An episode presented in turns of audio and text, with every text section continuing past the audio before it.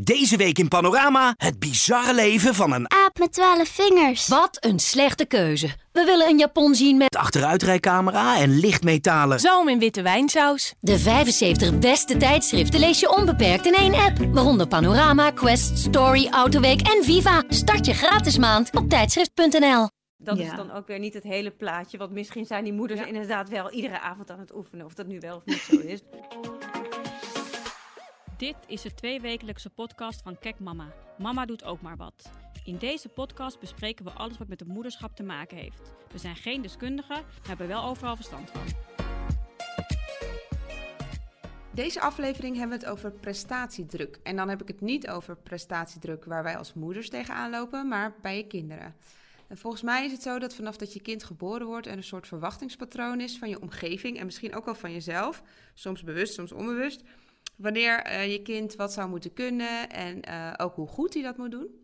En daar praat ik vandaag over met eh, Malou en Eline. Ik ben Malou, ik ben online redacteur bij Kijk Mama en ik ben moeder van zo'n Mac van 2,5. En ik ben Eline, ehm, brandmanager bij Kijk Mama. En ik heb twee kinderen. eh Filijne van drie en Olivier van zes. En ik ben Janine, ik ben chefredactie van Kijk Mama en moeder van Elin. Zij is acht en Mats, hij is zes. Dat ging even mis. Zoals altijd beginnen we de podcast met een Dat ging even mis. En dit keer heb ik een korte anekdote. Eh, het zat zo. Toen Elin net een jaar was, gingen we met een bevriend stel met een baby van een paar maanden een aantal dagen naar een huisje ergens op een berg in Spanje. We waren totaal in de relaxmodus. Eh, maar we hielden ons wel aan de slaapjes en de eetmomenten van Elin en pasten daar onze dag op aan. Want zo bleef iedereen relaxed.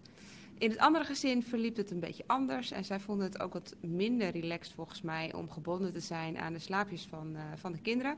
En namen hun kind gewoon mee in de draagdoek. Nou, helemaal prima. Ieder zijn eigen keuze. Maar aan het eind van de vakantie biechtte de vriend van Erik op dat zij ons bootcamp Berkelaar noemden. omdat, zij, omdat we in hun ogen zo strak eh, regime aanhielden, zelfs op vakantie.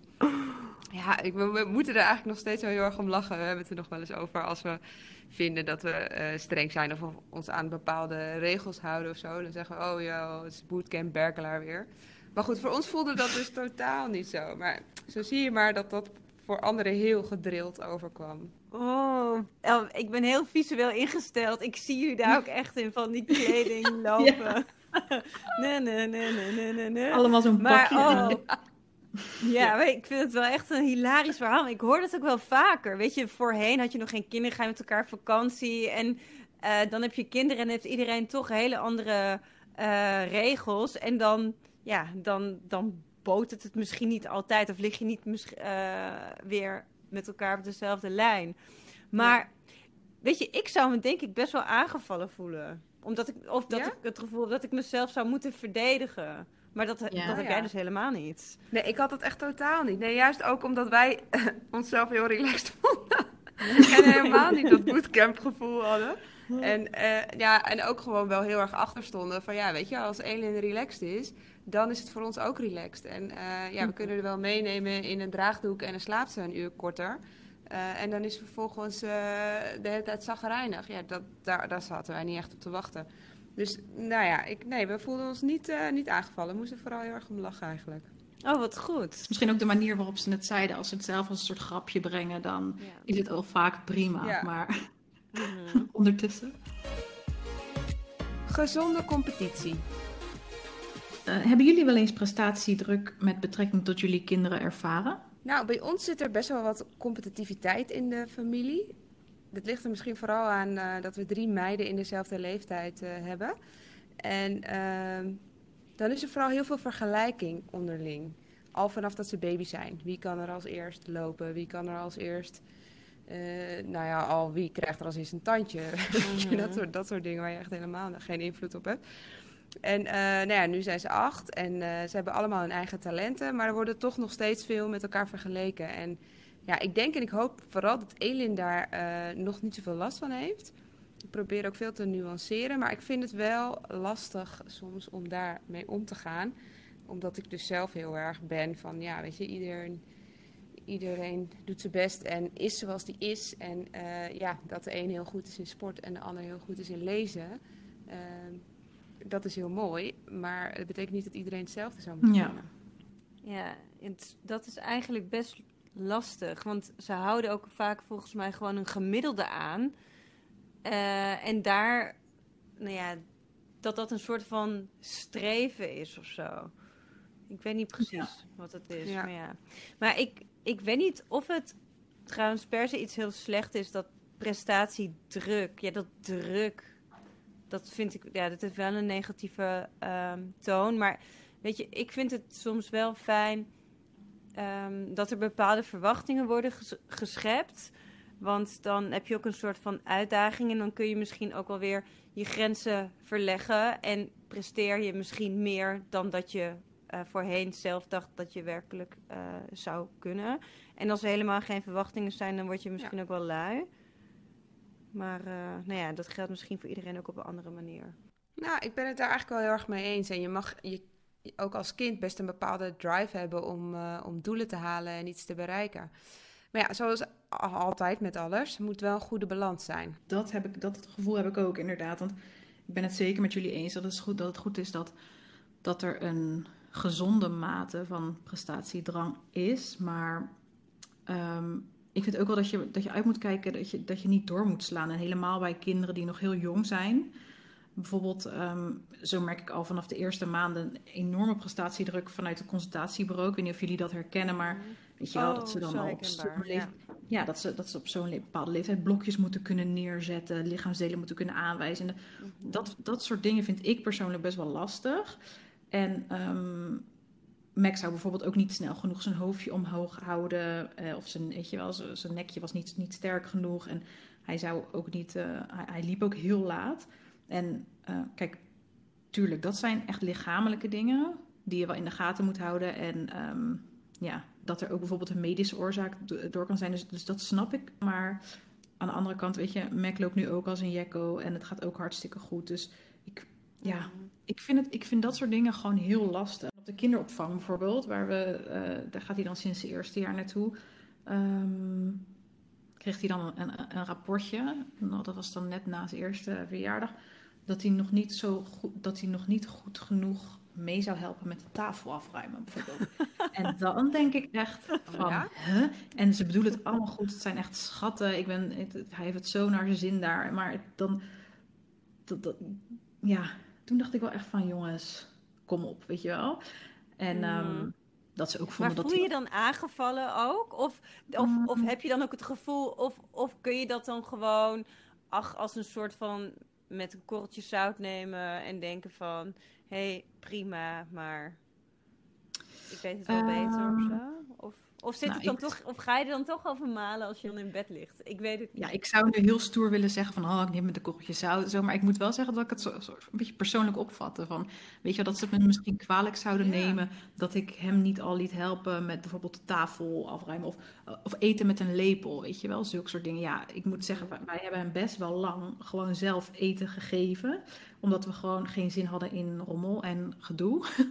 Ehm, Mhm. dus dus eh, dat deed hij op de opvang, deed hij dat ook niet met een lepel eten. Vond hij, vond hij niks. Hij liet zich eh, voeren. En ja, daar werden we toen wel op aangesproken van nou, probeer thuis iets meer te oefenen met de lepel. En ik weet dat dat ook voor je oog-hand-coördinatie, weet je, dat het daar goed voor is. Maar aan de andere kant denk ik ook, ja, weet je wel, eh, Ja, laat ons oh, lekker kom. pamperen. Dat oh, meer. helemaal, echt helemaal waar. Dat, dat, dat doet me, oh, ik moet het even vertellen. Dat eh, doet me herinneren, oh, dat consultatiebureau. Nou, daar ga ik sowieso nooit meer naartoe, maar dat is een ander verhaal. Maar ehm, dat, eh, weet je, Olivier die kreeg vroeger altijd een papfles. eh, s ochtends nog. Eh, en toen, toen zeiden zij dat het ook inderdaad beter was voor zijn coördinatie dat hij ook dat met een lepel zou moeten doen.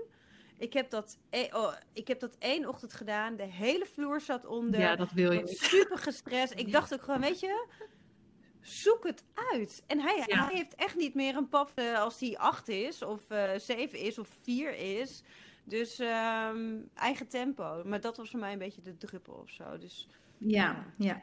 Maar goed, dan is het dus nu wel een beetje onderscheid tussen wat is dan Mhm. het eigen tempo van het kind en wat is het Ja. tempo wat je als ouders ja. ook zou willen hebben. Hè? Want soms maak je ook als ouders een keuze die eh, jou op dat moment eh, Goed uitkomt, ja, ja, klopt. goed uitkomt. En dat is Ja. ook prima. En daarbij ook natuurlijk kijken in, in hoeverre is het gewoon, eh, hoort het echt bij de algemene ontwikkeling van een kind, weet je? Want kijk, tuurlijk ehm, Ja. is, het, is het goed om, om te trainen van hoe dat allemaal werkt. Maar het is misschien ook de manier waarop het gebracht wordt dan, weet je wel? Dat je dan, dat je, dan je al snel aangevallen voelt van, eh, Jezus, laat me gewoon lekker doen zoals ik het wil. Ja. En waarom moet iedereen er nou iets van vinden, weet je wel?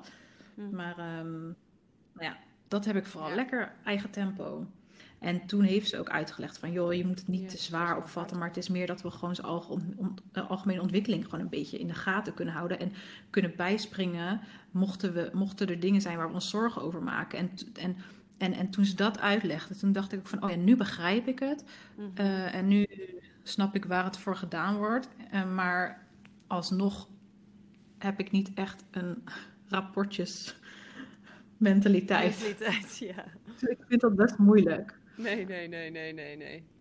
Er zit heel veel nuance in wat je in een rapport Mhm. niet mee Ja, kan geven. ja, precies. Ik, misschien ook, ik, ik heb op een basisschool gezeten, op een Jenneplanschool gezeten. En daar kregen wij een rapport. En dan, kon je, dan kreeg je geen cijfers, maar alleen eh, onvoldoende, ruim voldoende, goed en prima.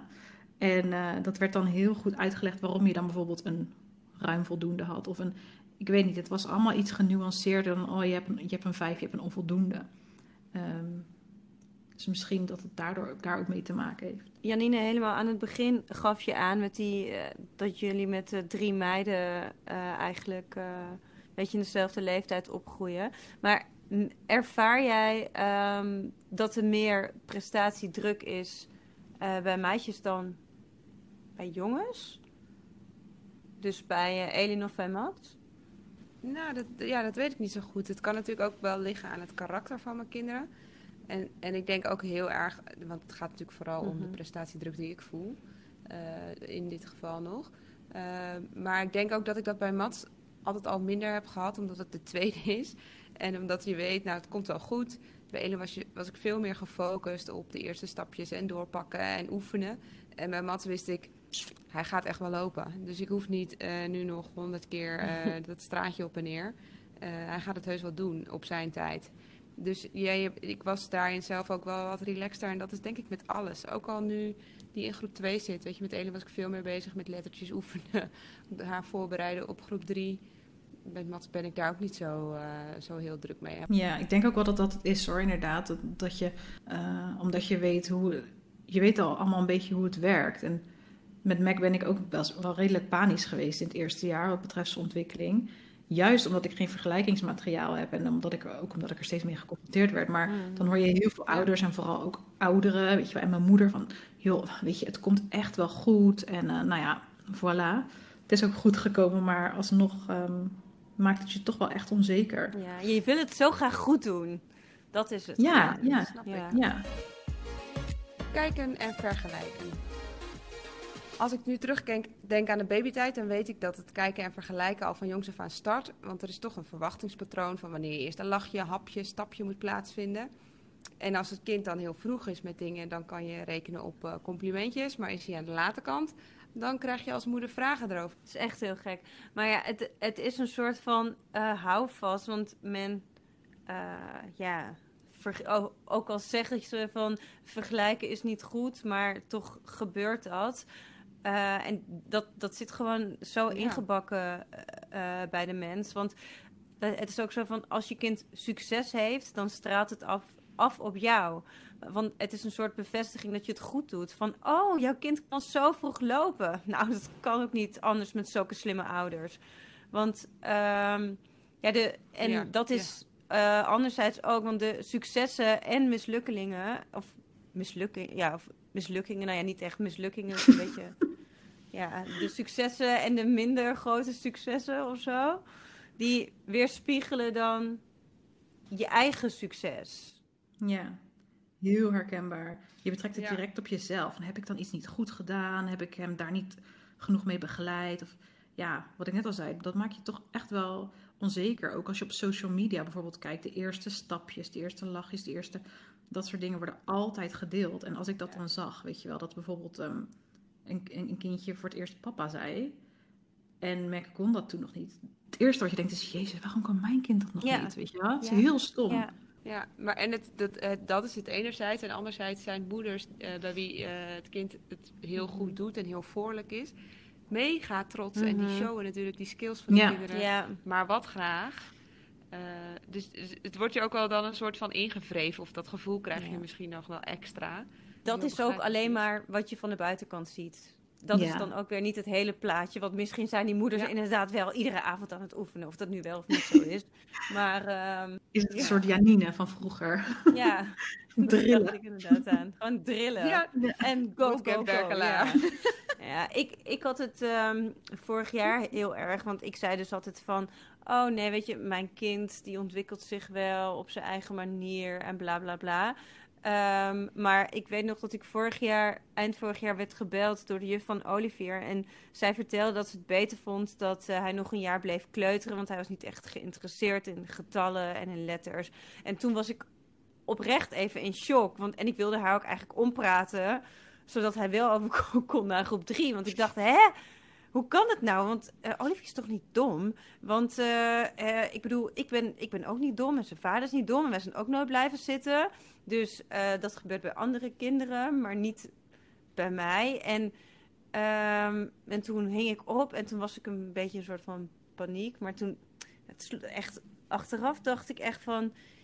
Jezus, Eline, waar ben je bang voor? Van, dat men dus eigenlijk twijfelt aan je eigen intelligentie. Van, oh, heeft een dom kind op de wereld gezet. Of dat je ehm, bang bent dat je zoon niet slim genoeg is. Dus dat is een soort van faalangst of zo. En achteraf kon ik mezelf wel een beetje ja, voor mijn kop slaan. Ja. Ik bedoel, ik ben nu zo ontzettend dankbaar en blij dat ze me heeft gebeld. En zo blij dat hij nu gewoon eh, nog een jaar in groep 2 zit, vooral met die lockdown. Dus voor mezelf heel chill. Dat is het ook. Als je het Ja. ehm, van een positieve kant probeert te benaderen, want dan, Mhm. dan dat ze het echt alleen maar doen ehm, eh, in het belang van, van, van je kind. Maar het is misschien ook niet eens. eh, het, kan, het kan ook best wel gewoon een Mhm. schok zijn omdat je er gewoon helemaal geen rekening mee had gehouden. Of er gewoon nog niet goed over na had gedacht dat het überhaupt een optie zou zijn dat hij zou blijven zitten. Dus het heeft misschien niet per se.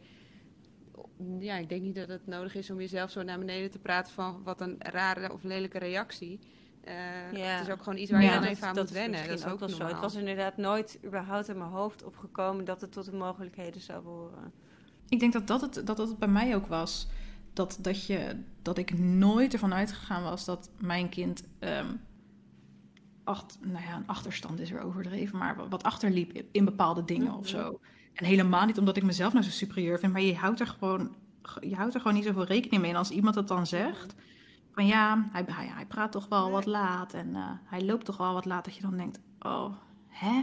Je komt ineens in een soort van andere wereld terecht. Maar nu ik er zelf vrede mee heb en nu ik inderdaad ook echt zie, het is Ja. ook zo en ze hebben het beste met hem voor en het zijn allemaal lieverds bij de opvang eh, en ze doen er alles aan om hem te helpen, vooral om hem te helpen, dan denk ik ook van ja, ik weet niet, ik accepteer het nu gewoon meer.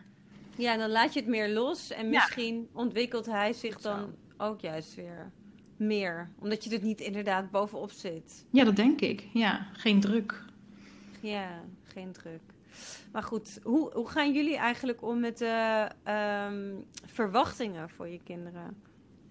Nou, als ik merk dat er hoge verwachtingen zijn voor mijn kind. En nou ja, dat gebeurt dan tot nu toe eigenlijk alleen in de familiaire sfeer. Ik heb dat op school niet echt nog gemerkt dat ze te hoge verwachtingen hebben. Ehm, maar dan probeer ik vooral te nuanceren en te temperen. En ik probeer het ook een beetje buiten haar bereik te houden. Dat mensen niet dat vergelijken. eh, de hele, of, nou ja, dat Elin daar niet zo erg deelgenoot van, eh, van wordt. Zodat ze zich zo lang mogelijk op haar eigen Mhm. tempo eh, kan ontwikkelen Mhm. op een veilige manier. Snap je wat ik bedoel? Dus dat ze niet ook dat. Zij, zij is daar nu nog helemaal niet zo mee bezig met dat kijken en vergelijken. Dus laat dat maar lekker zo. Ja, heel goed. Dat ze niet kijkt van, oh, mijn nicht eh, kan wel al, mijn nichtje kan wel al dit en waarom kan ik dit dan niet? Of eh, ja, ja. dat komt later wel eens op social media. Als Ja. het, eh, Ja, dat, dat, dat is het ook echt inderdaad. Dat ik denk van, Oh, ze worden echt, voor je het weet, eh, gaan ze zichzelf vergelijken met anderen en worden ze onzeker door anderen. Mhm. En helemaal door dat vreselijke social media, maar ja, Ja, nee, dus, ja, dus dan is het doel eigenlijk om je kind gewoon een zo goed mogelijke basis en zoveel mogelijk liefde mee te geven, waardoor ze zich ook inderdaad minder gaan vergelijken. Ervaren jullie kinderen al prestatiedruk door zichzelf te vergelijken met anderen? Nou, enerzijds is Elin echt totaal zichzelf en trekt ze zich weinig aan van wat andere mensen van haar vinden. Maar op school merk ik dat ze wel heel fanatiek is. En ze scoort uh, boven gemiddeld, krijgt veel extra werk en daar geniet ze ook van. En zo is ze bijvoorbeeld ook de eerste die dan de tafeldiploma's uh, haalt. Ik probeer haar eigenlijk wel regelmatig te vertellen dat als eerste je werk af hebben uh, of iets bereiken niet de prestatie op zich is. Maar dat ze ook juist moet genieten van het te maken en het te doen. En dat ze het leuk vindt en dat ze er een beetje van geniet. Want ik weet bijna zeker dat als het straks een poosje misschien niet zo lekker gaat... of als het een keer wat moeilijker wordt... dat ze zich daar wel rot over uh, zal voelen. En dat merk ik nu al een beetje met het thuisonderwijs. Je krijgt natuurlijk zoveel meer mee van je, van je kind... Uh, want ja, als haar nu iets minder makkelijk afgaat, of als het niet in één keer begrijpt, of als het niet snel genoeg gaat, dan raakt ze best wel snel gefrustreerd. En ja, ik weet niet of dat nou echt uh, komt door prestatiedruk, of dat het meer richting faalangst ja. Ja, Mac is daar denk ik nog iets te jong voor om, om daar uh, bewust mee bezig te zijn. Soms ben ik wel eens bang dat hij dan dat hij zelf ook doorheeft dat hij minder goed kan praten dan zijn leeftijdsgenootjes. Maar als ik hem dan weer blij zie rondspringen met zijn nichtje en hij vooral plezier haalt uit gewoon hysterisch achter elkaar aanrennen en um, nou ja, dat soort dingen, dan ben ik, ben ik weer heel opgelucht. En daarbij zie ik ook dat kinderen zich heel snel aan elkaar aanpassen. Het, het nichtje van, uh, van Mac is uh, zeven weken jonger, maar die praat echt al stukken beter. Maar die, ik weet niet, die, trekt Mac dan heel goed mee of zo daarin. En dat vind ik echt heel mooi om te zien. Dus um, daar maak ik me nog niet zo druk om eigenlijk. Goed zo, moet je ook vooral niet doen. Nee. Weet je net wat jij zei, Janine, nee. over Elin? Ik zat ook te denken, weet je, want wij leven ons leven eigenlijk ook alleen maar om uh, weer verder te gaan en doelen te behalen. Want je wordt geboren, nou, dan word je gedrild om naar de basisschool te gaan. Dus, of nou, gedrild, maar je, je moet dan wel je eigen billen kunnen afvegen en zindelijk kunnen zijn. Uh, nou ja, en dan doorloop je die basisschool. En dan is groep 8 een doel op zich om het hoogst mogelijk advies te krijgen voor de middelbare school. Nou, dan doorloop je dat en dan ga je zo goed mogelijk je best doen om dan weer naar de vervolgopleiding te gaan. Het lijkt alsof je elke keer inderdaad um, bezig bent om het hoogst haalbare te maken of te halen. En ik denk waar wij dan eigenlijk voor moeten waken als ouders um, dat het ook inderdaad gaat om um, het hele proces. Ja, dat soms het proces zelfs belangrijker is. Ja, dat. En, maar ook niet altijd het, het leren en, en beter willen worden en het presteren. Maar ook het een, een leuk mens zijn. Dat het minstens zo belangrijk is. Misschien nog wel belangrijker. Dat je een mooi mens bent. Ja, ja. En daarom vertel ik mijn kinderen ook, uh, of probeer ik zo vaak mogelijk te vertellen dat ik heel erg trots op ze ben. En dan benoem ik dus niet alleen maar de meetbare resultaten, zoals een goed cijfer op school of een goed rapport, maar bijvoorbeeld ook dat ze me hebben geholpen met afruimen. Ja, sorry, voor sommige families is dat heel normaal, bij mij helaas niet. bij ons ook niet. dat zeg ik ook altijd tegen Olivier. Van, ik vind het lief, ja, want dan exact. zegt hij ook bijvoorbeeld soms... Mama, wat ziet er leuk uit vandaag. Nee, dat vind ik dan zo ontzettend lief. En dat vind ik dan soms, want zo interesse oh, ja, tonen in een ander... Nou ja, nog wel belangrijker dan dat je, weet ik veel, een tien haalt voor wiskunde. Ja, who cares? Ja, daarbij vind ik het ook heel belangrijk dat vooral hij of het kind, onze kinderen er geluk uithalen. Weet je wel? En als dat betekent dat hij, ik zeg maar wat, zijn hele leven vrijwilligerswerk op een boerderij wil gaan doen. Of weet ik veel, papiertjes wil prikken. Weet je, prima. De, daarom denk ik ook niet dat ik heel snel boos word als hij later onvoldoendes haalt. Of als ik maar zie dat hij zijn best doet voor iets, dat hij er gelukkig van wordt en dat hij er blij van wordt. En dan vind ik het al genoeg. En als hij er zelf niet blij van wordt, dan moeten we kijken waar hij wel blij van wordt, denk ik dan. Ja, maar weet je, ik, ik denk dan inderdaad, want, want ik vind het wel lastig. Ik bedoel, uh, als je het hebt over die um, papiertjes prikken. Um, ik, ja, en, en dat is dus misschien wel een soort van verwachting. Want ik, ik hoop ook dat mijn kinderen zich ontwikkelen op hun manier. Zonder dat ik ze te veel ga pushen. Maar als zij op, opeens zegt op haar twintigste ik stop in mijn studie... want ik ga liever papiertjes prikken...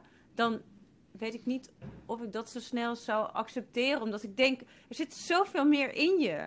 Ja. Maar ja, dat is dan haar keuze. Ik snap je helemaal hoor. En die discussie heb ik ook best wel vaak met mijn broer bijvoorbeeld. En die zegt dan van, stel, Mac kan heel goed zingen of zo. En je weet gewoon zeker, het wordt een, eh, het wordt een wereldster, bij wijze van. Ehm, maar hij wordt er zelf niet heel intens gelukkig van. Maar zou je hem dan wel stimuleren om dan toch bijvoorbeeld op het podium te gaan staan? En, om, en, en ik ben daar heel stellig in, dat ik dan gewoon zeg, ja nee. Want als ik zie dat hij daar gewoon niet blij van wordt, ja, dan, eh, dan, dan, dan niet. Maar hij snapt heel goed dat je dat als ouder dan ook wel doet. Ik denk dat er heel veel mensen zijn Ja. die misschien eh, ehm, meer zouden kunnen qua, ja... Dan praat je weer een soort van rangen of zo, weet je wel niet. eh, Zo, zo Mhm. misschien meer zouden kunnen dan, dan dat ze doen, maar dat ze gewoon Ja. denken, ja, ik vind het prima zo. Ja, ja, precies. Maar dan wel hartstikke gelukkig zijn met wat ze doen. Maar ik snap je heel goed hoor, Eline. Ja, dat, dat is, misschien is hij dan wel weer mooi rond, want dat is eigenlijk ook waar we mee begonnen. Eh, dat een beetje prestatiedruk, of in ieder geval zorgen dat je kind wel een bepaalde drive heeft om, eh, om ervoor te Mhm. gaan. Dus niet Ja. lui te worden. Ja, Ja, precies. ja. Dat is nog steeds belangrijk, denk ik. It's all Ja. about, ja. En dan af en toe het inderdaad Balans, van een afstandje balans. bekijken of zo. Nou, mooie afsluiter. Maar we hebben natuurlijk nog een kek mama Oh, keuze. j- jongens, wacht even één seconde. En ik heb een hele mooie naast me jullie. opeens. Gaat het goed? Ja. Ik hoor Oh, dat. hier heb je een kusje. Oh god. Ik hou van je. Ga maar lekker in bed liggen. Dag schatje, wil je mijn deur dicht doen? Oké, doeg. Doei. Oké, ja, wel echt heel lief. Maar ik had honderd keer tegen haar gezegd dat je niet in de kamer mocht komen. Maar oké. Ze wilde nog even een Sorry. kusje. Ja, ze wil nog even een Oh. kusje. Kijk, mama, keuze. Als afsluiter heb ik natuurlijk een mooie keuze voor jullie. Ehm, het is of een masterchef keurt elke avond je eten voordat je het mag opdienen. Of er zit altijd een examinator naast je in de auto. Het is allebei de hel. Maar ik heb, ik heb denk vier keer over mijn rijexamen gedaan. Dus ehm, ik, ik word zo nerveus van eh, zulke mensen naast me. Dus ik denk dat ik dan nog liever zou willen dat een masterchef elke avond mijn eten keurt. Want op zich leer je daar ook nog wel wat van. Ik ga ook voor de masterchef. En jij, Eline? Ja, ik ga ook voor de Masterchef. Ik word nu al, ik krijg nu al kriebels als ik denk dat er iemand naast me zit hoe ik wel en niet moet gaan rijden. Dat is gruwelijk. Nou, hier zijn we, hiermee zijn we alweer aan het eind gekomen van deze podcast. We zijn heel benieuwd wat jij ervan vond. Laat vooral een reactie of een recensie achter. Malou en Eline, heel erg bedankt voor jullie deelname. En jij als luisteraar, dankjewel voor het luisteren. Over twee weken zijn we er weer. Graag tot dan. Doei! Doeg! Nu in Nieuwe Revue, zon, zee En zoete aardappels met honingmosterd. Even opschuren en twee keer afvlakken met... Oom Donald, kwik, kwek. En een lekkere dikke Linda. De 75 beste tijdschriften lees je onbeperkt in één app. Waaronder Nieuwe Revue, Margriet, VT Wonen, Donald Duck en Linda. Start je gratis maand op tijdschrift.nl.